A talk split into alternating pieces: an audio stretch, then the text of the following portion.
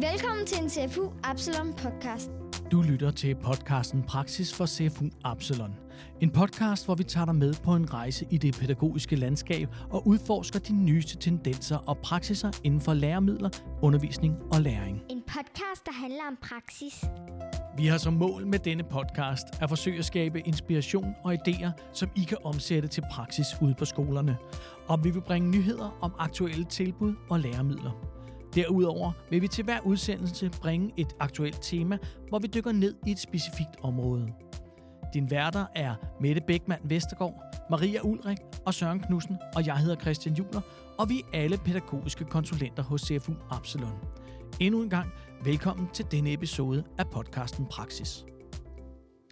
Ja, og øh, i virkelighedens verden kunne man jo godt have sat noget bjælleklang på, øh, fordi det er jo øh, december måneds udgave af, af Praksis-podcasten her, og, og velkommen til alle sammen. Håber, at øh, I, har, øh, I har fundet julestemningen frem. Vi har i hvert fald taget gaver med, Ja. kan man sige. Det kan man Rigtigt. godt sige, ja. Læremiddelgaver. Og, øhm, og det kommer vi til lige om et øjeblik. Øh, der har vi jo nogle læremidler med, som vi vil præsentere fra mit CFU. Og, øh, og så derefter så øh, har vi månedens tema, hvor Søren han har, han har været i byen. Jeg har snakket med Tobias Heiberg, som er programchef for hele den indsats, der hedder øh, Playful Learning, som er et, et kæmpe øh, arbejde omkring at øh, bringe flere lejende tilgang ind i, øh, i undervisningen. Så det skal vi høre mere om. Og det glæder vi os til. Øhm, og så øh, efter temaet, så, øh, så har vi lidt forskellige nyheder fra, øh, fra, fra CFU Absalon og, og hele vores verden, og kurser og konferencer og så videre. Men øh, lad os kaste os ud i, øh, i, i, i det første, og, øh, og i virkelighedens verden også på, på nogle måder. Det vigtigste for os, som jo er vores læremidler, som vi jo har til rådighed øh, på mit CFU. Og øh, Maria, jeg tænker måske, det kunne være, at du havde lyst til at lægge for land. Det har jeg. Øhm, og jeg ligger faktisk for land med en bus. Det er billedbogsbussen, som er udviklet af vores øh, tyskkonsulent Ulla.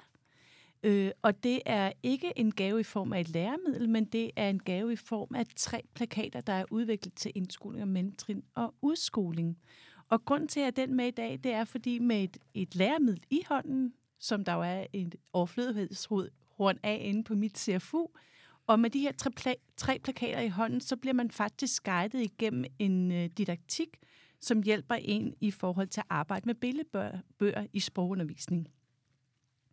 Øhm, og øh, kort fortalt, så er plakaterne bygget op omkring øh, seks centrale delområder, hvor der, hvor der først bliver ko- kommer idéer til, hvordan arbejder vi med forforståelse, hvordan sætter vi læseaktiviteter i gang og eksempler på det, hvordan får vi den mundtlige kommunikation indarbejdet i forløbet, og så lejende grammatik, sk- skrivning, og til sidst det her med et meningsfuldt produkt. Øhm, så man bevæger sig ned igennem her med idéer til, hvordan man kan arbejde med billedbøger i sprogundervisning. Så det er idéer, men det er jo også øh, inspiration til, hvordan man så selv kan idéudvikle ud fra den her didaktiske tilgang. De ligger til gratis download øh, på, vores, på mit CFU. Mm. Mm-hmm. Det, øh, jeg synes faktisk, og jeg synes, de er rigtig, rigtig flotte, de her plakater. Jeg, jeg ved, hvem der har hjulpet Ulla med at sætte det grafisk op. Så, det, det, det har jeg. Så, så, nej, så det er gas. Hvad hedder det? Vi, vi hopper videre over til dig, Mette. Ja, men jeg tænker måske, vi lige skylder at sige, hvor de ligger på mit CFU. Ja, og der ligger et link derinde, så jeg tænker, at det måske er hjælp nok øh, til, når man hører podcasten, at der er et link ind til plakaterne, så man bliver ført direkte ind. Ja, og ellers er det jo på alle billedbøger, ikke? Jo. Alright, yes. Jamen, jeg har taget en, øh, en læsekasse med, og den her gang er det en øh, læsekasse til 6. 7. klasse.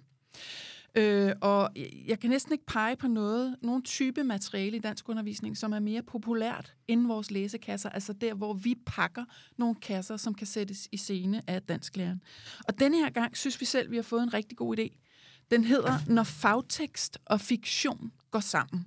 Og der handler det altså om at sætte to bøger sammen, som har samme emne. I det her tilfælde, der er det faktisk 2. verdenskrig. Øh, men den, i den ene bog bliver den behandlet øh, i en opdigtet version, og i den anden er det jo en, en, en rigtig fortælling, kan man sige. Øh, I denne her læsekasse, der hedder den ene bog 2. verdenskrig, Mennesker midt i striden. Og der får elever her i 6. og 7. klasse mulighed for at dykke ned i, hvad 2. verdenskrig egentlig var for noget. Ikke sådan fortalt gennem de store linjer, men mere den lille historie i den store historie. Eksempelvis kan man læse sådan øh, et, et lille kapitel på 3-4 sider om øh, hunden Gunnar. Og, øh, og hunden Gunnar var en, øh, en, øh, en, hvad skal man sige, en hund, der virkede rigtig godt ved det at kunne alarmere øh, den deling, den var sammen med, før de rigtige sirener kunne. Den kunne simpelthen høre med sin ekstraordinære hørelse, øh, at nu var der altså japanske bombefly på vej, så nu skulle de australske tropper skynde sig i sikkerhed. Så det er sådan en vej ind i det at læse om et, øh, et, et krigsunivers. Øhm, og der er 4-25 kapitler i denne her øh, bog om 2. verdenskrig. Når man så har haft fat i den, så kan man bevæge sig over i fiktionen. Nu har man jo et landskab at hænge noget fiktion op på, som måske, måske gør det mere interessant for nogle af de elever, der ellers kan have svært ved at forstå, hvad de skal med fiktionen. Og der har vi valgt den, der hedder Krigen, som er sådan en rigtig øh, ja, fortælling om en ung dreng. Øh, den starter på øh, den 9. april, øh, hvor øh, de her øh, flyvesedler falder ned fra himlen med et opråb om, at Danmark er besat. Og så følger vi denne her øh, unge dreng øh, ind i et øh, miljø, hvor han bliver involveret i modstandsbevægelsen. Så læsekasse, når øh, faktion og fiktion går sammen. Når fagtekst og fiktion går sammen. Mm. Så der er altså noget at gribe fat på øh, og, og booke ind, hvis, øh, hvis man øh, gerne vil have noget, øh, nogle læskasser ind i, ind i, ind i klasselokalet. Mhm. Lyder godt. Øhm, kan det passe, at du også har nogle læskasser med øh, sidste gang? Ja, det var lidt noget andet. Det var sådan nogle lavt læksede gode fortællinger til udskolingen. Ja. Ja. Søren, så, øh, du får lige lov til at vente lidt. Øh, Det gør jeg. øh, så, så har jeg, jeg har taget et læremiddel med, og øh, det her det er et, et, et læremiddel, som er inden for, for det felt, hvor, hvor jeg er, inden for teknologiforståelse og IT og medier, og, og det er et læremiddel, som jeg egentlig tænker hænger godt sammen med, med den her playful learning-tilgang, øh, og det her med øh, Play it Hard-projekt, som vi har, som handler om lejende tilgang til teknologiforståelse. Og øh, da, da, da jeg vidste, at det var det, der var temaet, så tænker jeg, jeg tager, tager noget teknologi med, som jeg tænker kunne være oplagt i forhold til at gøre noget med, inden for teknologiforståelse. Og, så jeg har taget en Makey Makey med. Og Makey Makey, kender I Makey Makey? Nej, nej. Ved I hvad, det skal, I, det, skal det skal vi have med en dag, øh, og, og så skal I prøve at lege med det. Det er i virkelighedens verden en lille dims, man sætter til sin computer, og så er det i virkelighedens verden en forlængelse af et tastatur. Så tastaturerne på, kom- på computeren kan du i princippet koble til alt muligt andet. Så øh, med krokodillenæb og ledninger, så kan man altså sætte, øh, sætte for eksempel øh, spacebaren til at være op på, på et eller andet, der er ledende. Nu står jeg og rører med en væg, den er nok ikke ledende, det kunne vi teste. Men for eksempel radiatoren herover. Så det i princippet bliver space, eller piltasterne, eller nogle af de andre taster, der er på et tastatur. Og så står Mette og tænker, hvad søren skal bruge det til? Ja, ja, præcis. Det lyder meget sjovt, men... I virkeligheden, at det, det kan, det er, at du kan gå ind og bruge forskellige programmer, hvor du så, i stedet for at du skal sidde og bruge dine din, din fingre, så, så bruger du hele kroppen til at kunne, kunne øh, aktivere de her. Og det kan være, at øh, man, der enten er et program eller et spil, hvor det er, man, man bruger nogle af de her tastati, tastaturer til at trigge et eller andet. Øhm, øh, hvad hedder det? Det kan også være, at det er et spil. Det kan også være, at du faktisk går ind i Scratch, som er sådan et programmeringsprogram, mm. øhm, og laver et spil eller en aktivitet, hvor det er så at du bygger noget fysisk ud, og det kan være noget, det, altså det kan være en trappe, hvor du skal gå op af, eller det kan være noget på væggene, det kan være noget tape, du har sat fast på, på noget, du har bygget. Øhm, og, og så kan du simpelthen lave øh, sådan, hvad skal man sige, interaktive øh, øh, hvad hedder det, øh, artefakter, som du kan, kan arbejde med, og som du kan sætte til en computer. Og det, som jeg godt kan lide ved Makey Making, det er, at den har det, vi kalder low floor, high ceiling. Og det er, øh, det er en tilgang til at vurdere øh, de her øh, digitale læremidler, øh, og, og, og, en, og en tilgang til, når man skal vurdere, hvor nemt noget er at komme i gang med. Øh, den her Make Make, den har et utroligt low floor. Mm. Jeg er næsten sikker på, at hvis jeg havde taget den med, og I havde jeres computer her, så ville I kunne komme i gang med at bruge den i løbet af to minutter, og jeg skulle ikke fortælle jer for særlig meget om, hvordan den virkede. Det ville I ret hurtigt finde ud af. Til gengæld så kan den faktisk bruges til ret mange ting, og kan godt blive kompliceret, hvis man går ind og bruger, og, og bruger for eksempel bruger den i Scratch eller, eller nogle, nogle mere komplicerede øh, installationer. Og samtidig har den også den, der hedder white walls. Det vil sige, det er ikke noget, der kun kan bruges til fysik, kemi eller, eller til dansk. Den, den kan sådan set bruges til en, en, en ret bred øh, både sådan faggruppe, men også en ret bred elevgruppe. Og øh, så sent som sidste uge brugte jeg den faktisk til, og, og det var faktisk ikke rigtigt, det var forrige uge, der var der musiklærens dag, og øh, der lavede jeg musikworkshop, mega musikworkshop, hvor vi brugte Mega Mega til at lave sådan en sampler, hvor, at, øh, hvor deltagerne skulle bygge øh, musiksampler øh, ud af alt muligt dimser og skrald og alt sådan noget. Så øh, hvis man ikke har prøvet en Mega Mega, og det kan jeg se på jer to, det har I ikke. Øh, Sidder med kæmpe så, store øjne. Det er så også tænker jeg, at, at det er faktisk en lektie til næste gang. Der har I prøvet at lege og dimse med en Mega Mega. Challenge accepted. Altså, jeg har allerede i gang med at planlægge juleaften med mormor øh, ja. og Maggie Maggie. jeg, lavede, sam, jeg lavede med en, øh, med en dansk klasse lavede jeg et stort hus på et tidspunkt, hvor at de så havde en lille figur, og når de så satte figuren i køkkenet, mm. så blev der afspillet en lydfortælling fra et køkken. Når de så satte den i stuen, så kunne, øh, så kunne den afspille en øh, lydhistorie fra stuen, mm. øh, med lydunivers og så videre. Det var, det var faktisk ret, øh, ret sjovt. Ja. Jeg kunne også godt tænke mig at bygge den ind i sådan en gysertunnel. Kunne ikke mm. forestille, at man kommer til at trykke ved eller så, altså, så på den måde kan den bruges i rigtig mange forskellige sammenhænge, og er meget simpel at bruge, og, og kan sådan set bruges ned til de helt små elever, men også til de helt store, for den sags. Så. Så en Mega Mega, det er, næste gang så glæder vi os til at høre, hvordan I uh, hen over juleferien har bygget Mega Mega uh, installationer. Det bliver fedt. Mm. Søren, nu er det din tur. Tak, Christian.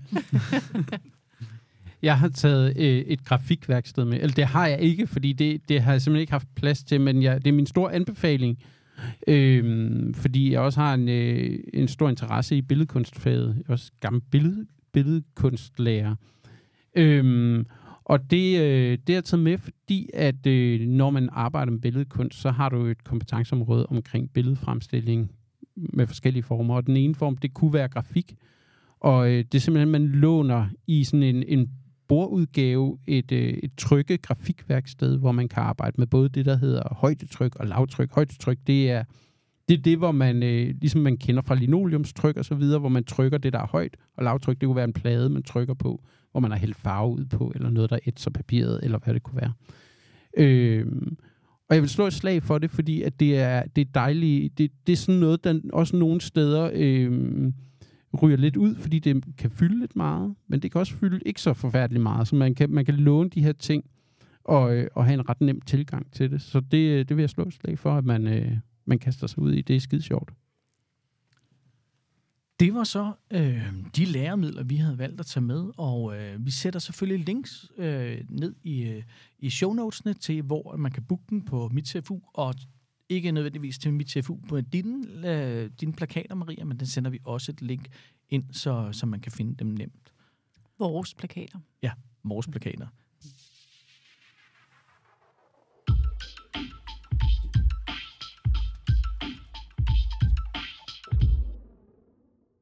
Tak fordi jeg måtte øh, komme i dag, Tobias, her til, til dit lille domicil i, øh, i Københavns Nordvestkvarter. Øh, vil du ikke starte med at, at præsentere dig selv? Det kan du tro, Søren. Øhm, og tak fordi du kigger forbi. Jeg øh, hedder Tobias Heiberg, og jeg øh, har fornøjelsen af at være programchef for, for Playful Learning. Og jeg tænker, at øh, vi kommer til at snakke lidt om i dag, hvad det så er, så det går jeg ikke i dybden med lige nu. Øh, jeg har baggrund som, som lærer for efterhånden en hel del år siden. Så øh, har jeg været underviser på, på læreruddannelsen. Så har jeg stået i spidsen for forskellige typer af ministerielle projekter. Øh, været med til at banke det, der hedder Future Classroom Lab på benene på, øh, på UCC, som det hed dengang, og som jo stadigvæk er et fantastisk skønt miljø på, på Københavns Professionshøjskole. Og så har jeg været med i, i Playful Learning lige siden, at, øh, at vi begyndte at få ideen til, at det måske kunne være interessant at lave som et nationalt udviklingsfællesskab på tværs af en masse indsatser. Og der er så stadigvæk, og det er vel også det, vi skal tale om i, i dag. Altså nu, nu har du allerede nævnt det et par gange, Playful Learning, og, og det du kommer fra også. Øh, altså nu har jeg jo kendt dig efterhånden, eller vi har arbejdet sammen på, på lidt kryds og tværs. Øh, der, er en, der er alligevel en fællesnævner, som måske også taler ind i, hvad Playful Learning er for et program. Øh, vil du prøve at udfolde Playful Learning som, som måske sådan overordnet? Hvad, hvad er jeres øh, mål med, med, med Playful Learning? Og måske også, skal vi dykke ned, lidt ned i, øh, tænker vi kan snakke lidt om, hvad det er for nogle indsatser, der er. Jo, det, det gør vi da. Og, øhm, og, og lad os da starte helt fra, fra toppen, eller måske midten af det hele. Fordi øhm, for mig i hvert fald, og for, for Playful Learning-programmet, sådan som det udspiller sig helt generelt, der, øh, der er det væsentligt, at der står nogle børn inde i midten. Og i Playful Learning, der, der spænder vi øh, virkelig bredt set. For det første kigger vi meget på de børn, der er fra 0 til 15 års området. Når vi gerne vil skabe en positiv forandring for dem, så er det vigtigt, at vi arbejder med de vigtige voksne, der har med dem at gøre til hverdag. Det, der så er lidt interessant, det er, når man har med lærere og pædagogstuderende at gøre, eller lærere og pædagoger i praksis, så viser det sig, at, at den tilgang, som vi gerne vil have til ungerne, den øh, virker faktisk også ret fint til, i forhold til de voksnes udvikling, og det, det tænker jeg, at vi kan fordybe os i øh, lidt senere. Men i midten, der står der altså nogle børn, og det er nogle, nogle børn, som, øh, som vi egentlig gerne vil arbejde med pædagogisk didaktisk på en måde, så deres øh, udvikling og trivsel og læring, den tilgås måske mere lejende, kreativt, nysgerrigt, nysgerrigt udforskende. Og jeg skal skynde mig at sige, at, øh, at i stedet for at komme med noget nyt nyt, så opfatter jeg det som om, at vi i Danmark har enormt stærke traditioner for netop den tilgang til børn. Stille sig ved siden af dem, gå ud i verden sammen med dem, i stedet for dogmatisk at proppe ting ned i halsen på dem. Men jeg tror også, de fleste kan genkende, at, at i de seneste år eller 10 eller sådan, der, øh, der har der måske været nogle tendenser til at fokusere mere og mere på udbyttet og outcome, og jo længere vi kommer op i skolealderen, for eksempel jo, jo vanskeligere ser det ud til at være at være barn af forskellige årsager eller ung. Øh, og det synes jeg, vi har et fælles ansvar for at forsøge at forandre, og det gør vi blandt andet igennem at stille os sammen og prøve at se, om, om vi kan børste nogle af de fine traditioner, vi har pædagogisk didaktisk for lejende tilgangen af, og, og give plads til, at, at de kan finde vej igen på, på nye måder, fordi vi, vi ved godt, hvad det handler om, tror jeg. Og det der med at prøve at, at, at overkomme nogle af de barriere, det er det, Playful Learning blandt andet handler om. Øhm, det handler simpelthen om, at, at børn så i sidste ende måske har en mere kreativ, udforskende, lejende tilgang til, til verden for deres position også. Og det er jo fordi, vi, vi ser det på den måde, at, at leg i sig selv kan være værdifuldt nok. Men Playful Learning handler ikke alene, og faktisk nærmest ikke om rusjebaner og legepladser og sandkasser og, og fri leg, og den skal have lov at være der, det, det er ikke det, vi diskuterer. Men hvis man forestiller sig at være i en rigtig god leg, som de fleste mennesker, eller alle mennesker har erfaring med, så er den social, den kan være fællesskabende, den er næsten selvforglemmende, den er voldsomt engagerende, man bliver optaget af det, man er i, og den har et enormt læringsdrive, det er der i min verden ingen tvivl om. Så det der med at prøve at se, om man kan overføre noget af, af det, de gode karakteristika og kendetegn, der er ved en god leg, til gode læreprocesser, det er jo det, det pædagogiske eksperiment går ud på, fordi vi tænker, at vi leger ikke bare, hvis du forstår, hvad jeg mener. Og leg er ikke kun for sjov, det er dybt alvor. Og øh, jeg ser det i hvert fald nærmest som en, en, en tilgang, en, en livsholdning. Øh, noget, der er vigtigt for både voksne og børn. Og give plads til det igen, det er jo egentlig det, Playful Learning sådan helt overordnet set drejer sig om. Hvordan, altså, hvordan tænker du sådan helt konkret, at, at leg, altså det, det er noget det, jeg undrer mig over, altså de her legende tilgange, hvad er det i undervisningen? Altså, hvordan kan den transformere en undervisning, som måske uden at det bliver øh, isolerede små bobler i det. Altså, hvad, hvad er... Hmm, det er jo det, vi arbejder med til daglig. Altså, hvordan får vi masseret de her små ting ind? Hmm. Øh, altså, altså, har I... Nu, nu kan jeg se det fra, fra min lille stol, og, og jeg arbejder jo til daglig med to skoler i vores region. Øh, men du har måske sådan lidt mere et, et overordnet blik på, hvad, hvad er det egentlig så også, man får ud af det på tværs af alt alle de her ting? Jamen, vi kommer måske til at tale om, om, om størrelse og udbredelse lidt senere, øh, fordi det, der er interessant her, det er, at der er forskellige tilgange, men der viser sig nogle strømninger eller nogle genkendelige mønstre på tværs. Så det, jeg forsøger at sige her, det er, at der er ikke sådan en indgang til det. Sådan her får du lejen til at fylde mere, eller det lejende til at fylde mere i din dagligdag. Men det, vi kan se, det er, at man skal starte i det små. Og det vil sige, at det er helt legalt at føle sig på udebane, når man skal finde lejen frem igen. Øhm, der er noget helt urmenneskeligt i det der med at, øh, at lege sig til læring, hvis man kan sige det på den måde. Og efterhånden, som vi bliver store børn og unge og voksne og sådan noget, så er der en tendens til, at vi alle sammen, og selv inklusiv, har lidt svært ved at finde den der, øh, det indre legebarn frem igen. Og det lader til, at det er egentlig noget, vi skal tage på os som voksne professionelle og våge lidt at lege igen. Gøre noget af det, der er lidt skørt, gøre noget af det, der er lidt våget, gøre det, der er lidt skævt. øh, fordi det er egentlig vejen til at kvalificere den her, øh, hvad kan man sige, at, at bringe leg i fagligheden og, og faglighed ind i lejen igen. Så hvordan gør man det helt lavpraktisk? Jamen, altså, det vi kan se, det er, at man kan starte med bitte små, og det kan bare være altså, sådan nogle brain breaks nærmest, og det er helt legalt. Øhm, og over tid kan man sådan set bygge mere og mere på til at lave nogle mere og mere avancerede didaktiske designs. Øhm, og min anbefaling er at prøve det af. Vi har sådan en helt klar teknik, der handler om prøvehandling, og simpelthen rode sig ud i et, i et større eller mindre eksperiment. Og det viser sig, jo mere man har succes med det, eller man lærer både af det, der virker og det, der knirker, jamen jo mere legemod får man. Og jo mere våger man at bringe det lejende ind i sin undervisning. Og det vil sige, øh, stort set alle praktikere, vi arbejder med, uanset om de underviser på en lærer- eller en pædagoguddannelse, om de er lærer i en folkeskole, eller om de er pædagoger på, på kryds og tværs af, dagtilbud og klubber og sådan noget, så lader det til, at den her legefaglighed, hvis vi kan kalde den det, den vokser over tid, og modet vokser over tid, og jo mere, bliver den, øh, jo mere vokser den her lejende tilgang ind i den måde, man arbejder pædagogisk didaktisk på. Så det er i hvert fald en, en ting, man skal holde sig for øje, at der er ikke sådan en opskrift, man kan tage ned af hylden, og så kan du det. Hvis du ikke kunne det om tirsdagen, så kunne du det om onsdagen. Det er gradvist noget, man prøver sig ind i. Men så meget desto mere øh, til bundsgående og dybdefagligt bliver det faktisk også. Inden vi tændte mikrofonerne, havde vi sådan lige en, en, en snak om, at nogle af de skoler, der, der arbejder indgående med det her, har et, et tipping point. Ja. Et, et, et tidspunkt, hvor de, øh, hvor, hvor de måske knækker koden, eller har prøvet så meget af, at de, øh, at de nu tør, eller, øh, eller, øh, eller har den rigtige, rigtige organisering, eller, eller hvad det kan være. Hvad er det, man får ud af det, når man er kommet over det tipping point? Tænker du? Ja, men vi har no, vi har, altså vi gør jo heldigvis det, at vi evaluerer det her ret grundigt, mm. og har ekstern evaluering på, og vi har øh, lige nu to forskningsprojekter, der er ret store hver især, som ligger oven i hinanden og forsker både i, hvad sker der, når man arbejder lejende med morgendagens lærerpædagoger, altså på alle de grunduddannelser, der er rundt omkring i landet, og hvad sker der, når det lejende bevæger sig ud i praksis?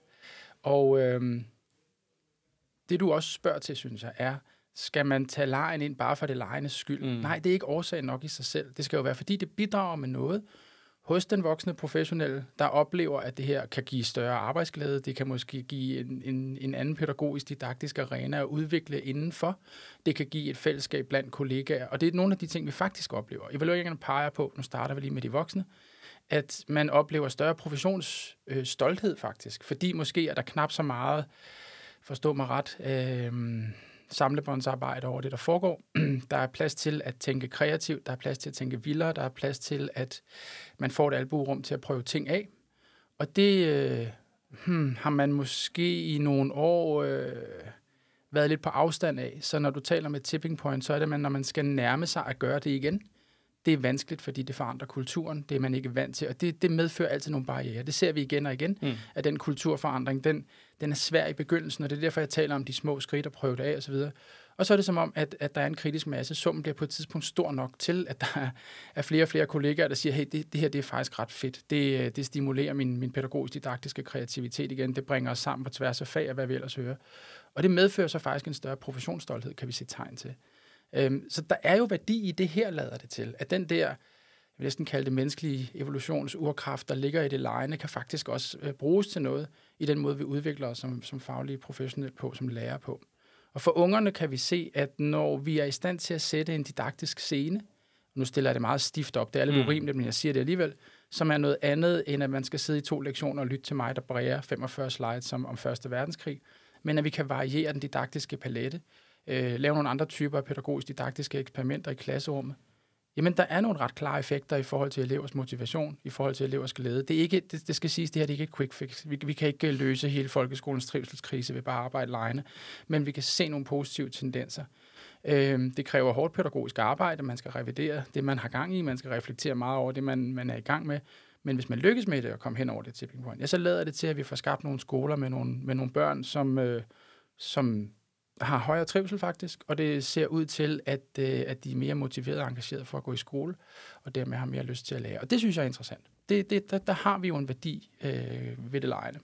Noget af det, som jeg, sådan, altså, jeg har set øh, derude, det er jo også nogle af de kvaliteter, der ligger i at have en lejende tilgang til undervisning, men også at have en lejende tilgang til skoleudvikling. Altså, altså, at du lige pludselig tager noget af den her fejlmodighed og forhandlinger ind, som, som både afspejler sig i relation til eleverne, men, men også internt i, i lærergruppen. Altså lige pludselig kan vi forhandle, vi kan, vi kan lege omkring vores, vores praksis. Øh, og det synes jeg er virkelig interessant at se, hvad, hvad det er, man får det. Altså, som jeg hørte også lidt sige, det er øh, med alle de her prøvehandlinger, der egentlig ligger for inden et, et tipping point, og det ikke er et quick fix osv., vi kan ikke være for uden de her prøvehandlinger. Vi kan ikke være for uden den stille start, øh, øh, de små afprøvninger osv.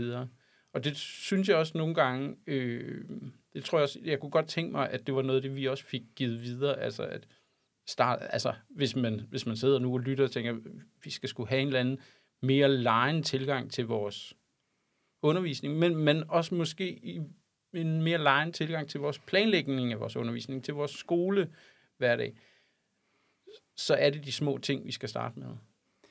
Det, det, det bakker jeg i hvert fald 100% op, og det gør jeg ikke ud af, af tankens kraft alene. Det, det er fordi, det er det, vi kan se. Mm.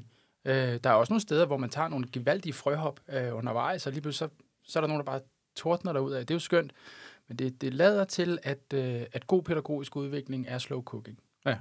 Og, øh, og det, det dyrker vi enormt meget, og det vil sige, vi oplever også indimellem, at... Øh, for eksempel kan Playful Learning, bare det, at vi har et navn, der er engelsk, det kan være enormt fremmedgørende. Så tænker man, kommer der nu et nyt koncept her, og så videre. Det, det må vi så arbejde lidt med. Vi har et internationalt udsyn, og derfor har vi faktisk også brug for at hedde noget på engelsk. Det er en anden snak. Det, min, det der er min pointe, er, at forventningen om, at man kan komme med alle svarene, eller man kan tage en opskrift for os. Vi vil gerne blive bedre til at dele en masse gode tips og tricks og sådan noget. Det skal nok komme i de kommende år.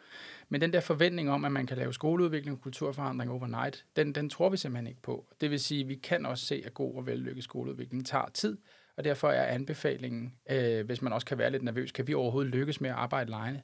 Ja, det kan I dele med. Vi har faktisk masser af erfaringer med det lejende. Jeg tror, vi har masser af lyst til det lejende.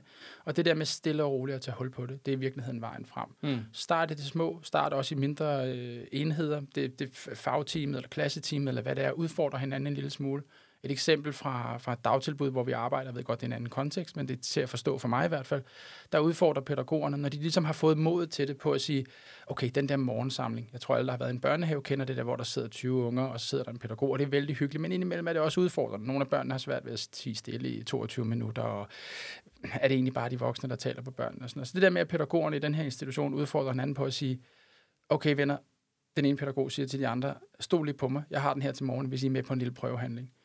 Og så øh, har han tænkt at lave forhindringsbaner som morgensamling i stedet for. Og det vil sige, at de her små treårige, de bimler og bamler rundt sammen med de voksne, som ligesom er blevet en del af lejen. Og pludselig er der noget, der konstituerer sig som den måde, vi starter morgenerne på og prøve forskellige lege af. Så vidt jeg forstod, så dyrkede man bare det der øh, univers af forhindringsbaner i 14 dage. Og så er der en af de andre kollegaer, der går ind og, og siger, okay, nu, nu prøver vi min idé. Er I med på en, en ny prøvehandling her? Og den måde at være sammen på som pædagog eller pædagoger og fagpersoner, kan man i hvert fald i min verden sagtens forestille sig som både matematik og dansk lærer også. Så det der i mindre enheder pludselig har skabt et pædagogisk udviklingsrum, som er fælles, hvor man våger nogle andre ting på børnenes vegne, er jo faktisk meget, meget lavpraktisk og meget dagligdagsagtigt. Men lejen er meget tydeligt til stede i den måde at udfordre hinanden på, og det, det lader til at være et, et pædagogisk udviklingsrum, som både bidrager til kvaliteten for, for de voksne og ikke mindst børnene.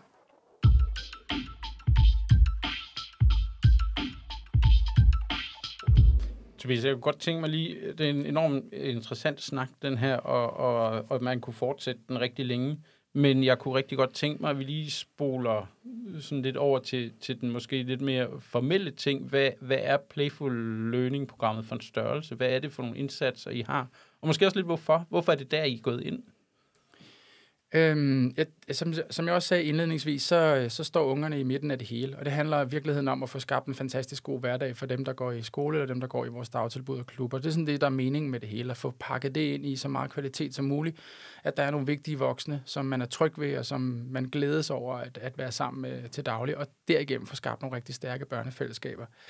Og der er tesen, at, som jeg også indledte med at sige, at der er vi nødt til at se lærerne og pædagogerne som vores helte det er dem, vi skal give plads igen i, øh, i et uddannelsessystem, som er også præget af, af test og, og måltrængsel. Med gode intentioner, men det fylder for meget kan vi give plads igen til den pædagogiske dialog, den pædagogiske øh, refleksion, den didaktiske prøvehandling, det vågemod igen, som i virkeligheden for mig lidt ligesom en, en fantastisk dygtig kok er nødt til at eksperimentere med smage og retter og, og dufte og sanser, og hvad ved jeg, så man også som, som didaktiker. For mig er det en, en kunstart. Der skal være plads til at udøve den kunstart. Altså det er en ædel jiu-jitsu-kunst, man skal øve sig i, i al den tid, man arbejder, og det synes jeg, vi har givet for lidt plads til. Mm. Så egentlig er det det, der er filosofien bag ved, ved Playful Learning, at skabe et, et udviklingsfællesskab, der kan det. Og det vil sige, at man får plads som individ, men man bliver også bragt sammen med ligesindede, som prøver at gøre det samme.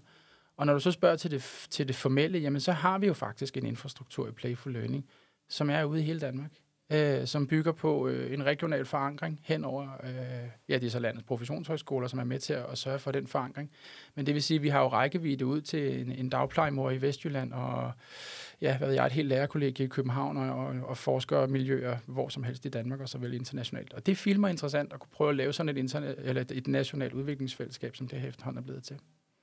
Skal jeg sige lidt om, hvad der er projekter? Øh, det, det, det synes jeg, fordi det kunne, det kunne godt være interessant i forhold til også at se, altså se den her meget brede indsats, altså mm. at man kigger på det fra, fra stort set alle sider, synes jeg kunne være interessant lige at det ud. Ja, det, man, det, det er jo øh, det er nu, vi skal forsøge at gøre os umage med her med at skabe billeder i folks hoveder, når, når det foregår på lyd. Øhm, men jeg tror, man skal se for sig, at, at Playful Learning som program er en paraply eller sådan en padehat for flere forskellige målrettede indsatser. Det, der er fælles for alle indsatserne, er det lejende. Det står inde i midten. Det vil sige, det der med at arbejde med lejende tilgang, uanset om det er med små børn, eller store børn, eller studerende, det er det, der er fælles for alle, der er med i Playful Learning. Og det her med at prøve at arbejde med en lejende faglighed, altså at bringe leg ind i fagligheden og faglighed ind i lejen, det, er det, vi er sammen om. Og dermed så bliver det sådan en lejende bevægelse over tid. Det, der så er under den her paddehattesky, det er lige nu øh, fem projekter. Det ene øh, går rigtig meget ind i grunduddannelserne, det vil sige, der arbejder vi med, med den kilde, der ligesom øh, strømmer ud i systemet. Det er morgendagens lærerpædagoger, vi har med at gøre her. Og der har vi opbygget siden 2018 ret unik kapacitet i forhold til at have faglighed blandt underviserne, der underviser her, sørger for, at de eksempler, vi viser morgendagens lærerpædagoger allerede på deres grunduddannelse, har meget stærk karakter af det lejende. Vi ved, at for eksempel lærere tager deres inspiration med ud i, i praksis to steder fra. De lærer, de selv har haft i skolen, og de undervisere, de har på uddannelsen. Så det er absolut afgørende, hvis vi vil en anden måde at undervise på, at vi også gør det, når de er på vej ud i systemet. Så der er vi startet. Og den, øh, det projekt bevæger sig lige nu ud i nogle udviklingsfællesskaber, der, der prøver at gå endnu mere på tværs af den uddannelse, man tager, inden man kommer ud, og så den profession. Så det er sådan nogle praksisudviklingsfællesskaber. Det er den ene søjle. Og ved siden af det, der har du det, der vel må være landets største forskningsprojekt på det her felt, som øh, ja, bare hedder Playful Learning Forskning, øh, som er brudt ned i to elementer. Den ene er, er noget, der forsker i netop grunduddannelse, øh, og det har vi gjort siden 2019. Det rundes af her i slutningen af 23, så det vil sige 24 kan man forvente 12 Ph.D.-afhandlinger. Øh, der vil være en, en masse meta-reviews af nogle dygtige seniorforskere i spidsen for det hele. Der står øh, er den eneste professor i leg i Danmark, Helle Marie Skovbjerg, øh, som er forskningsleder af det. Så der har du sådan en enorm søjle, og her er der også en, et udbrud og forskningsprojekt, som kommer til at fortsætte til 2026, som fokuserer endnu mere øh, dedikeret til, hvad er virkningen af det lejende i praksis ude på skolerne og ude i dagtilbudene. Og det kommer til at forløbe fra, ja, fra i år 23 og ud til, til 2026. Øhm, så det er den anden søjle, altså en søjle, der har med grunduddannelse at gøre, en søjle, der har at gøre med, med forskning. Og så har vi øh, Play at Heart, som du selv er med i, 12 skoler rundt omkring i Danmark, lejende tilgang til teknologiforståelse, hvor man går dybt på de her skoler, kan man sige, og, og de har udfordret sig selv på at, at gå med i udviklingsfællesskab og være med til at prøve at løse den der tese. Hvad sker der, hvis det lejende bliver bragt ind i forhold til, til børns teknologiforståelse? Og så har vi det, der hedder Leg for dig. Der skal man forestille sig igen 12 øh, men denne gang er det bare institutioner, klubtilbud, SFO'er rundt i hele Danmark, som er med til at arbejde med det lejende i deres praksis. Men det, der er interessant her, det er at forsøge at flytte kompetenceudviklingen ud i sandkassen. Typisk, mm. hvis man er pædagogisk personale, så skal man ind et eller andet sted og have taget diplomuddannelse. Her arbejder vi med sammen med praksis at udvikle nogle nye formater til kompetenceudvikling, som ikke kun er dedikeret til de uddannede pædagoger i al respekt, men som også kan stimulere vikaren eller pædagogmedhjælperen eller den pædagogiske ledelse. Så det er et meget, øh, må man sige, nyskabende projekt, som, som virkelig prøver at tage praksis øh, med sig i udviklingen af, af den måde, vi kan lave kompetenceudvikling på. Og så sidst men ikke mindst, så har vi en international forgrening, som, øh, som i virkeligheden skal sørge for, nogle gange, når man laver internationalisering, så bliver det sådan, at vi skal have nogle fine forskere rundt og, og lave nogle oplæg på nogle konferencer. Det skal vi også, for vi har mange dygtige forskere. Men her prøver vi i virkeligheden at vende den om og sige, at vores internationale mobilitet må langt hellere være en pædagog, der mødes med en pædagog et andet sted, eller måske snarere en personalegruppe, eller en flok lærere fra en af Play at Heart-skolerne, eller fra flere af Play at Heart-skolerne, som kan mødes med ligesindede andre steder eller interessante miljøer. Så igen, Lærerne og pædagogerne er vores helte. Vi vil gerne give dem muligheder for pædagogisk udvikling, og dermed for eksempel også international mobilitet. Så det er sådan, det er ligesom de frakker, der hænger på knærækken, fem styks. Mm. Øh, som du kan høre, så har de jo forskellige målgrupper og går meget tæt på den dedikerede praksis, men det vi er fælles om, det er det lejende. Og, og nu nævner du selv noget af det, der står meget centralt altså, i, øh, i, i Playful Learning-programmet, det er, hvordan man får de lejende tilgang ind i fagligheden, og fagligheden ind i de lejende tilgang, eller, eller hvordan. Øh, det skaber også nogle udfordringer. Mm. Øh, jeg synes, et langt stykke hen ad vejen, så, så, så, øh, så blev det lidt til, at vi havde, vi havde nu havde vi øh, Playful Learning, eller Play at Heart projekt uge i, øh, i dansk, og så, så nu skal vi have dansk igen. Men, men er det ved at blive indarbejdet? Altså, man kan sige, hvis, hvis, hvis jeg skal lave det ind i de referencer, jeg kender til, så tog det ret lang tid i forsøget med teknologiforståelse, at det ikke var, nu skal vi have teknologiforståelse, så skal vi tilbage til at have dansk. Men det der med at få det indarbejdet, og, og, og jeg kender jo det, det der argument for, at der er virkelig mange ting, vi skal nå i udskoling og så videre. Har vi tid til at lege og så videre? Hvad er det? Det, det er måske i virkeligheden to, to spørgsmål, eller to ting, jeg godt kunne tænke mig at drøfte. Øh, er man ved at se også på gulvet kvaliteterne i, i de her ting, vi laver øh, sammen, alle sammen, øh, i forhold til, at det kan understøtte noget fagligt. Øh, og, øh, og har man en forståelse af, eller kan, kan vi lave den her kobling overhovedet? Øh, ser man det? For vi har snakket meget om glæde og motivation ja, og så videre, ja, og, og det, det kan vi jo godt, øh, det, det er måske en anden snak i skolen også, eller hvordan Altså, vi skal have en anden synergi også, ikke? Absolut. Øh, lad os prøve at starte med det der, der handler om, at det er vanskeligt. Og det mm. er det. Altså, øh, man skal ikke tro, at det at introducere det lejende af, af sukker på broccolien, og så glider alting bare nemt og væver sig ind alle steder. Det kræver absolut noget. Og vi kan faktisk også se, at det lejende øh, kan stå i vejen. Og det vil sige, det er netop ikke bare det her tryllestøv, man kan drøse ind over sin undervisning. Noget af det, som vores forskningsprojekter øh, viser i de første resultater, det er, at det lejende kan bidrage til, øh, til en dybere faglighed, større motivation hos, øh, hos dem, der undervises. Men hvis ikke man er præcis og distinkt, altså dygtig i sin udfoldelse af det, så kan det faktisk stå i vejen. Så hvis det bare går hen og bliver botthorn og røde næser og koldbøtter, forstå mig ret, som lægger sig hen over faget, så kan det faktisk skygge for den faglige dagsorden. Og så har vi, så har vi ikke opnået det, vi vil. Øh, vi har sådan en, synes jeg, lidt kollektiv øh, dekobling af leg og læring i Danmark, og det, det bliver heldigvis bedre og bedre, oplever jeg blandt andet også gennem Playful Learning, at de to ting er gensidige størrelser.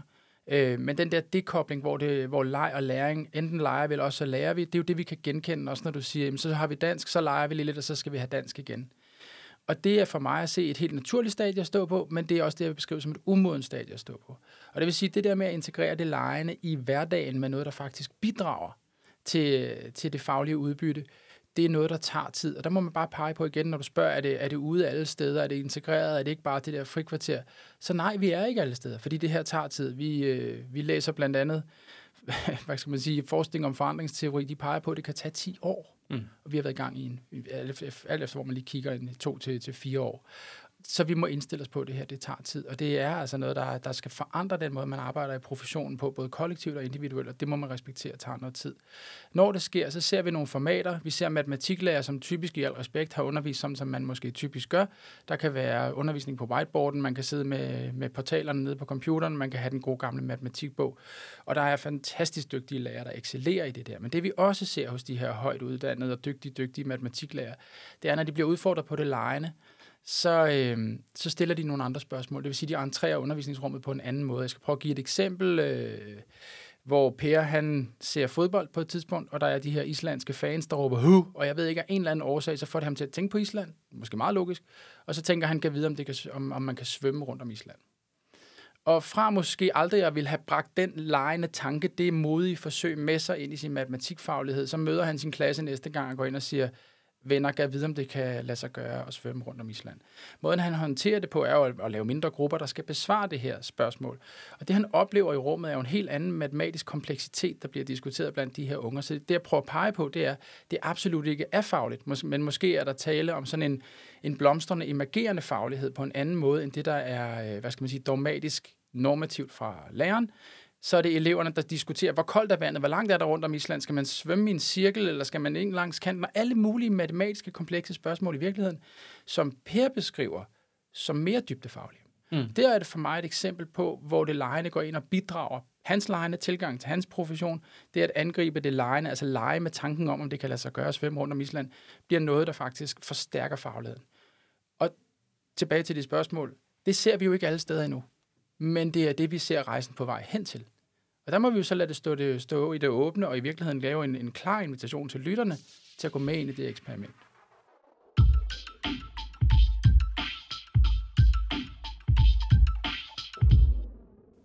Så ser vi, altså noget af det, jeg synes, jeg ser, det er, at øh, der, jeg har nogle udfordringer, som måske binder sig måske en lille smule, altså nu giver du et eksempel med matematik, men som er bundet til bestemte aldersgrupper, fag, fagområder og så videre ude i skolen, som, hvor det i hvert fald er nogle andre tilgange, der skal, der skal til. Øh, og, og det synes jeg er, er lidt interessant, altså hvordan, hvordan filen får vi, øh, får, vi, får vi nogle bestemte faggrupper, hvordan får, Altså, det, det, det er jo ikke... Øh, måske er det en lille smule øh, en fordom, men, men alligevel har jeg mødt virkelig mange mennesker i udskolingen, der synes, det her det er enormt svært at tage ind. Øh, men det er egentlig, det er egentlig øh, det, det er måske mere sådan en, en undring, jeg siger højt, eller en øh, mm, et forsøg på en samtale om, hvordan filangriber vi alle de her meget forskellige øh, fagområder, lærergrupper øh, osv., andet fordi, at, at når vi snakker lidt om motivation og øh, tage udgangspunkt i noget nært og øh, fejlmodighed og, og nogle af de ting, der ligger i lejen, så er det nemt i nogle fagområder, eller, eller nemmere i nogle fagområder. Nu giver du også et eksempel med matematik og matematik og naturfag og så videre, at nogle gange ser jeg, det er forholdsvis nemmere at undre sig over en, en begivenhed eller en, en, en hændelse, som, som knyttes, end det måske er i et humanistisk fag, eller... Jamen, det kommer nok lidt an på perspektivet. Jeg kunne godt tænke mig at udfordre din faglige kreativitet lidt så, ikke? Fordi mm. jeg, jeg oplever også dansklærer, som i stedet for at, at måske igen undervise lidt instruktionistisk og, og klassisk traditionelt, øh, jeg, hvad ved jeg, giver ungerne den her frilæsningsbog, så starter med at bede dem om at bygge nogle huler og sætte sig ind i de universer og bygge de her huler og have samtaler om øh, vi på Kravø, eller hvad delen det nu er. Og det er et lille bitte, bitte, bitte greb, som leger med undervisningsrummet, leger med det fysiske, leger med måden, vi er sammen på, leger med, med den stemning, den atmosfære, vi har med at gøre. Så jeg mener faktisk, at man som højt kvalificeret fagperson øh, jo sagtens kan bevæge sig ind og lege med sit fag. Det er det, der er pointen i. Øh. Er det så nemt? Nej, det, det bilder jeg mig sådan set heller ikke ind. Vi kan se fra vores forskning, at når vi nærmer os øh, der, hvor det gælder, øh, prøver, hvad det nu ellers er, og det melder sig jo med større og større hyppighed og alvor, når man kommer i udskolingen, jamen der står det i vejen også for, for lærernes vågemod. Det kan jeg dele med godt forstå. Det er sådan set ikke øh, ude på at, at, at, at underminere eller negligere. Øhm, og det vi kan se, det er, at man som fagperson har brug for støtte øh, fra sin ledelse, der meget tydeligt, øh, hvis man vil det her, melder ud og siger, det her det er vi på tværs af, af alle årgange og som meget tydeligt melder ind, at udskolingen må faktisk gerne lade sig inspirere af børnehaveklassen, hvis du mm. forstår, hvad jeg mener. Mm. Øhm, det, det kan vi se er vigtigt, og det er måske også for stor en, en forventning at have til den enkelte lærer at være solist på den måde, så vi kan se, at det er nødt til at være en organisatorisk strategisk beslutning for den pædagogiske ledelse. Det er afgørende. Øhm, og derfor er man også nødt til som leder at tage, sig, tage det på sig. Hvis man vælger det her, så er man, så er man nødt til at gå bredt og dybt. Øhm, og så må vi også holde øje med, at det lejen har ikke en plads altid og hele tiden. Øh, jeg er heller ikke sikker på, at jeg som dansk lærer vil prioritere det vanvittigt meget lige af foråret, øh, forårssemesteret i 9. klasse. Vi kan ikke løbe fra, at der er nogle forventninger og nogle barriere omkring os, som vi er forpligtet på. Den forpligtelse forstår jeg godt, og jeg synes, man skal leve op til den. Men der er nogle andre lommer, der er nogle andre veje, hvor jeg alligevel vil sige, at de prøvehandlinger, det mod godt kan finde vej, og det vil bringe kvalitet med sig. Øh, men, men vi kan se, at kollektivet er vigtigt. Det er vigtigt at have en følelse af, at man står ved siden af nogen, og hvis du og jeg er i lærerteam sammen, at du har min ryg, og du er indimellem også, når, når jeg laver noget, der kikser, øh, kan hjælpe mig videre, og, og vi kan stå lidt stærkere sammen. Mm. Det, det er afgørende. Øh, og så, så det her med at forstå, at, at det er ikke til hver en tid, at det, det behøver at være alene. Der er også nogle Nej, tidspunkter, så- hvor vi er nødt til at respektere systemet, så at sige. Det tror jeg også, altså det jeg også ser, det er måske også, at vi, vi måske adresserer det en lille smule forskelligt, alt efter hvad det er for en faggruppe, alderstrin og så videre. Det har du ret i. Øhm, Og det tror jeg også, man det- skal gøre. Det er faktisk meget nysgerrig på. Det glemte ja. jeg lige at kommentere på. Vi, vi, vi er gået meget generelt eller universelt til værks i måden, vi startet på. Vi synes, det er spændende at arbejde på tværs af lærere og pædagoger, for eksempel. Øh, kan se nogle enorme værdier. Pædagoger har vildt meget sprog for, og vildt meget erfaring med leg, som kan bidrage rigtig meget. Jeg kan kun anbefale at tage skolepædagogerne mere og mere med i, i den her rejse. Men vi kan også se nu, at der måske bliver mere og mere behov for det specifikke, og det det, du peger på. Mm. Måske skal vi ind og gå tættere på fag. Vi skal ind og gå tættere på øh, udskoling, mellemtrin, indskoling, for den sags skyld, dagtilbud, klubs, SFO osv. Øh, og, og det prøver vi at blive dygtigere til, fra startet meget åbent. Jeg tror, du har en pointe i det der. Jeg synes, det var interessant, fordi altså, nu holdt jeg en, øh, en workshop i går, øh, hvor vi arbejdede med, med, med nogle lejende tilgang til nogle ting, og en af, en af, af, af introduktionsopgaverne var, at jeg havde nogle forskellige grupper af lærere. Der var en gruppe, der var øh, naturfaglige og matematiklærere, og så var der en gruppe, der var dansk kommunistisk, og så var der en sådan praktisk musisk gruppe, og deres opgave var egentlig, de havde en bunke papirsklips. Og de, øh, opgaven hed, kan du holde balancen? Og øh, den naturfaglige gruppe, på 8 minutter fik de snakket om vægtstangsprincipper og ligevægt og øh, balancepunkter og så videre. På 8 minutter faglige begreber. Dansgruppen havde en lang drøftelse af, hvad, hvad, hvad en forståelse af, af opgaven og det sproglige i opgaven, og ender med egentlig at, at tage de her papirsklips og lave en lille, folde dem ud og lave en lille girlande, hvor der står balancen, og så holder de den. Så det er en sproglig tilgang til det. Og, og, og den praktisk musiske gruppe laver sådan et kunstværk ud af alle de her papirsklips, der hænger og holder balancen. Jeg synes, det, det er meget øh, sigende for de her meget forskellige tilgange til forståelsen af det lejende, eller forståelsen, eller, eller måske var det et godt blik for mig, for at se deres faglighed blive udfoldet og forståelse af, hvad de skulle. Øh, det, var, det var ret interessant. Øh, vi, vi, vi, vi desværre, jeg, jeg, jeg, jeg kunne elske at, øh, at blive ved, Tobias. Øhm, og jeg synes egentlig, vi har fået nogle, nogle rigtig fine pointer. Altså den her, øh, øh, det her med at starte, starte i de her små prøvehandlinger, altså man sidder som, som lærer eller som leder og tænker, vi, det kunne være fantastisk inspirerende at, at kaste os over noget af det her. Så er, det ikke, altså, så er det ikke på den store klinge fra først, så starter vi i, øh, på de små klinger, og, og så kommer der et tipping point, hvor man, hvor, for, fordi at det er det pædagogiske personale, der, der opdager kvaliteten i det, det synes jeg er, er meget generelt, men man også som leder skal, skal have et stort fokus og, og give det noget opmærksomhed, og måske i virkeligheden også, det er ikke, det er ikke, det jeg hører dig sige, og det vi har snakket om, det er jo også, det er ikke, det er ikke kun ude i undervisningen, men, men det er også lærerkollegiet, eller pædagogerne, der, der ligesom skal, skal tage den her ture, øh, motivation, altså øh, øh, give plads til og, og, og, og have en lejende tilgang, en eksperimenterende, en forhandlende tilgang til deres øh, udvikling.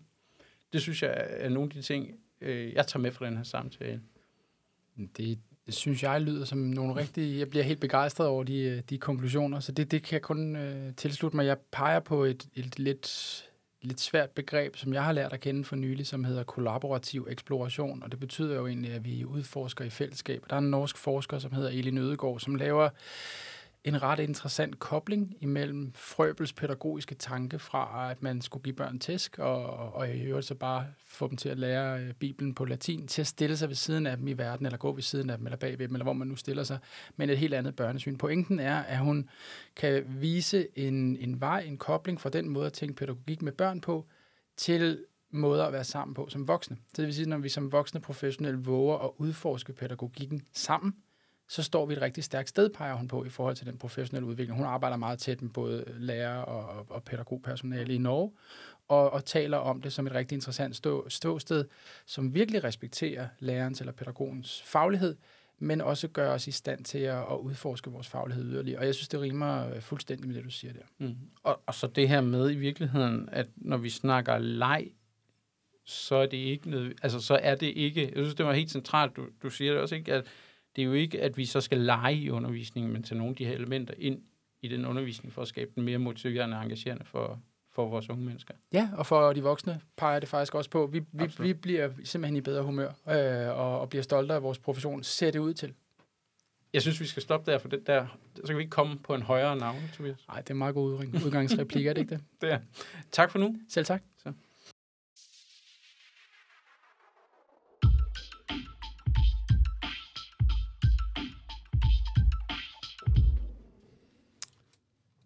Velkommen tilbage til studiet.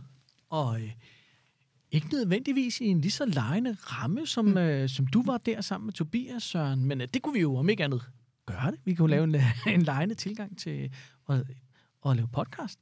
Øh, i virkeligheden, det gør vi jo lidt også. Fordi vi, øh, vi, vi giver jo plads til at, at eksperimentere lidt og, og udfolde. Men øh, det var en, en virkelig, virkelig interessant øh, samtale, du havde med Tobias der. Jeg synes, I kom bredt omkring. Øhm, Mm. og nu sidder jeg og kigger på, på jer to, øh, Maria og, og Mette, og jeg har jo set i jeres øh, notesbøger her, mens der, er, der er jo blevet griflet og er blevet... Øh, øh, så, så lad mig lige høre, øh, hvad tager I med jer fra, fra den her podcast her, eller fra den her, det her interview?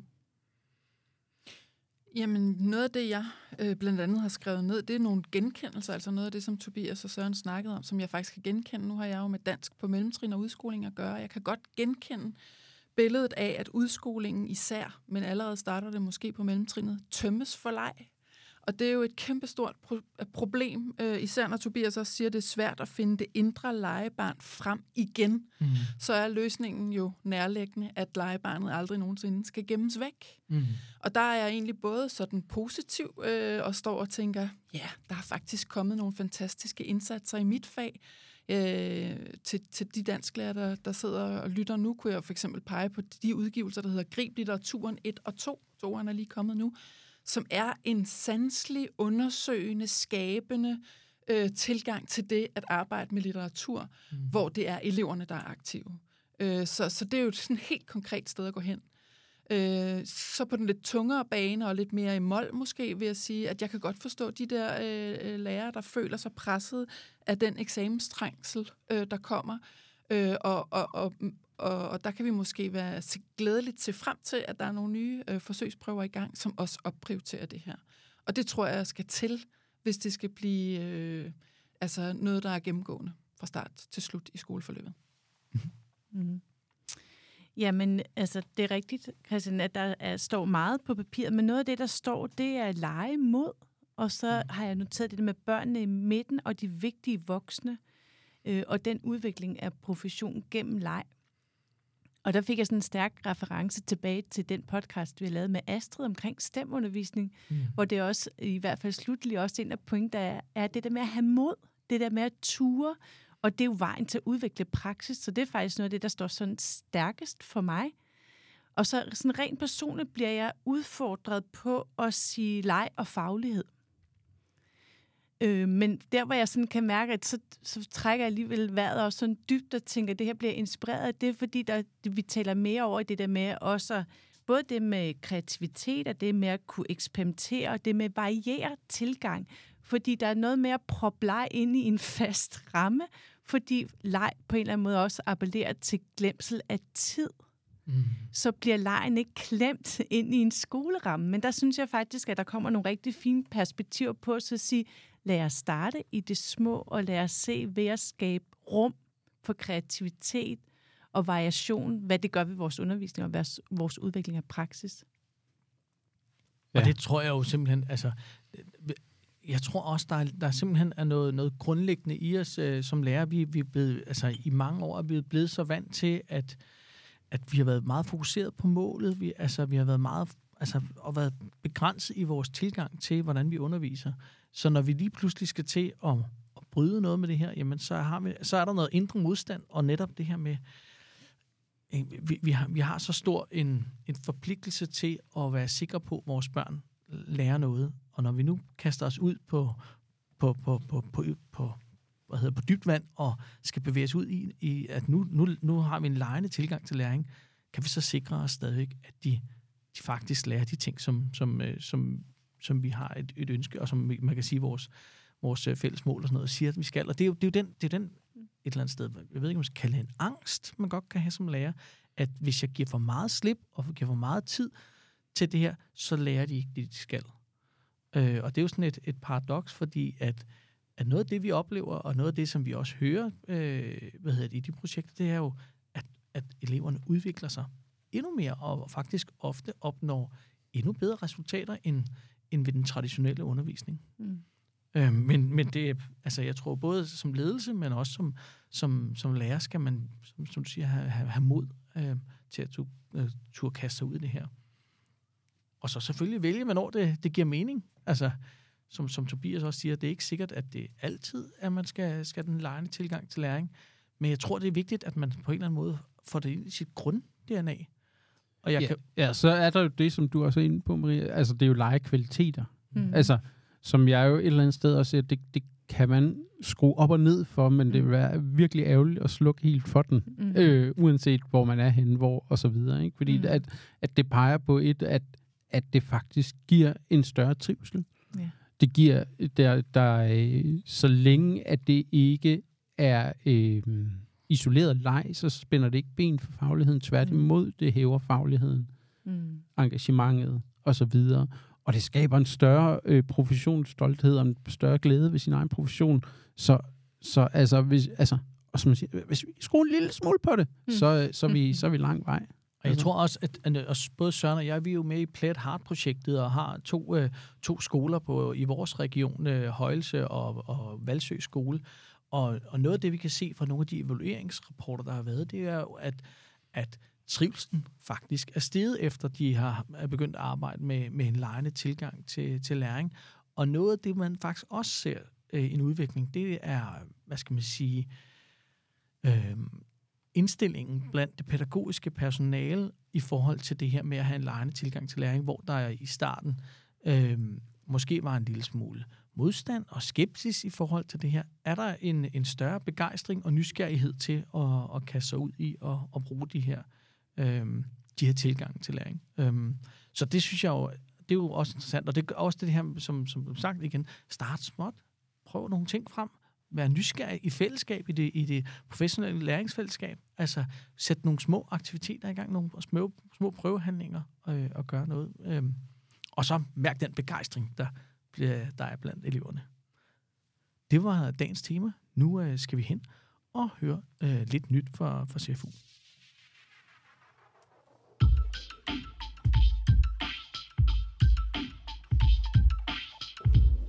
Ja, og det, øh, det bliver jo lidt lang podcast i dag. Det må vi erkende. Jeg kan jo kigge ned på, på uret og sige, at vi næsten er ved at være nærmere en time. Så vi, vi gør det kort, men godt her i forhold til, til hvad der sker i øjeblikket. Og øh, Maria, skal du have lov til at lægge for land igen? Det vil jeg gerne. Jeg sidder her med vores øh, reklame for vores ordblindekonference, som er den 25. januar øh, 2024 i øh, Roskilde, øh, hvor vi har et mega spændende program, som, øh, hvis jeg skal sige bare en ting omkring det, omhandler rigtig meget omkring strategier for elever med ordblindhed. Og vi slutter af på en humoristisk og rørende måde med øh, hende, øh, der hedder Maria Junghans, som er en meget, meget dygtig fortæller, som øh, slutter dagen af med både grin, men også med rørende fortællinger. Mm. Mette? Ja, jeg vil minde om, at øh, der er DM i skolepodcast også i år. Øhm, og at øhm, hvis man gerne vil deltage, så har man muligheden for at indsende en podcast per klasse. Den må vare op til 5 minutter. Og den skal indsendes inden den 1. februar, hvis man vil deltage i dette års øh, DM i skolepodcast, fordi at vinderne i alle kategorierne, de bliver afsløret til Lærfest, som jo ligger der i midten mm. af øh, marts måned, øh, den 14. 15. Nej, 13. 14. marts er det, i Bella Centeret. Og, øh, og hvis man vinder og læse mere om det helt faktuelle i forhold til at deltage, og hvor man skal sende ind osv., så, videre, så kunne man jo gå ind på øh, Alinias øh, hjemmeside, DM i skolepodcast. Ja, og, øh, og til det, der ligger også inde på linje et lille forløb støttet op om øh, at komme i gang med at arbejde med podcast, hvis man slet ikke har prøvet det før. Og, og man kan også sige, at hvis man spoler tiden en måneds tid tilbage, så er der jo en podcast, der handler om at producere podcast i undervisningen. Jeg vil sige, at i januar måned har vi i øh, Sifu Absalon et samarbejde med inde på KP, og eksperimentarium om at lave sådan en, det vi kalder en praktikernetværksdag, som handler om teknologiforståelse, fordi de har lavet en, en ret spændende udstilling, som, øh, som hedder Fremtidsmennesket, hvor at vi spoler tiden frem til 2035, og så er der alle mulige ting, som vi skal forholde os til i forhold til teknologi, etisk og sådan rent praktisk og alt muligt. Så det er sådan et scenarie opbygget, øh, og, og, og det ligger op til, men der er også nogle ting, man kan arbejde med i undervisning. Så vi holder en dag derinde på Experimentarium den 8. januar, hvor man kan komme ind fra 13 til 16 og, øh, og blive indført i, hvordan man kan arbejde med det. Så det, øh, det synes jeg, man skal melde sig til. Så, øh, så får vi en, en fantastisk dag derinde. Og man kan jo sige, at øh, meget på det her med teknologiforståelse, øh, for et par måneder siden, der kom der jo et regeringsudspil i forhold til folkeskolen, og uden at vi skal dykke ned i den, fordi så bliver podcasten meget længere, så kan man jo godt sige, Søren, at vi, jo, øh, vi holder vejret og er spændt på, hvad der sker, fordi nu er der jo, ser der faktisk ud til at ske noget inden for vores felt, inden for teknologiforståelse. Om hvor den lander, om det bliver i fag, eller øh, om det bliver et valgfag, eller noget, altså, et, det ved vi jo ikke helt præcis, fordi det er der nogle, øh, det er der nogle, nogle forskellige... Øh, hvad skal man sige, øh, der er i hvert fald nogle ønsker om, at det ikke kun skal være et valgfag i, i udskolingen, men det skal være et decideret fag. Men, øh, men det kan være, at vi kan vende tilbage til det, også når der kommer en, en politisk afklaring.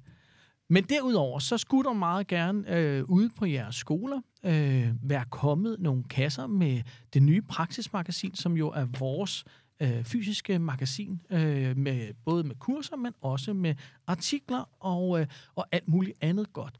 Øh, så hvis man ikke har set det endnu, så prøv lige at stikke hovedet forbi, måske for, på PLC, eller måske er det nede hos ledelsen, eller et eller andet sted, hvor at det altså er kommet, fordi det burde være kommet med, med vores øh, biler ud til jer.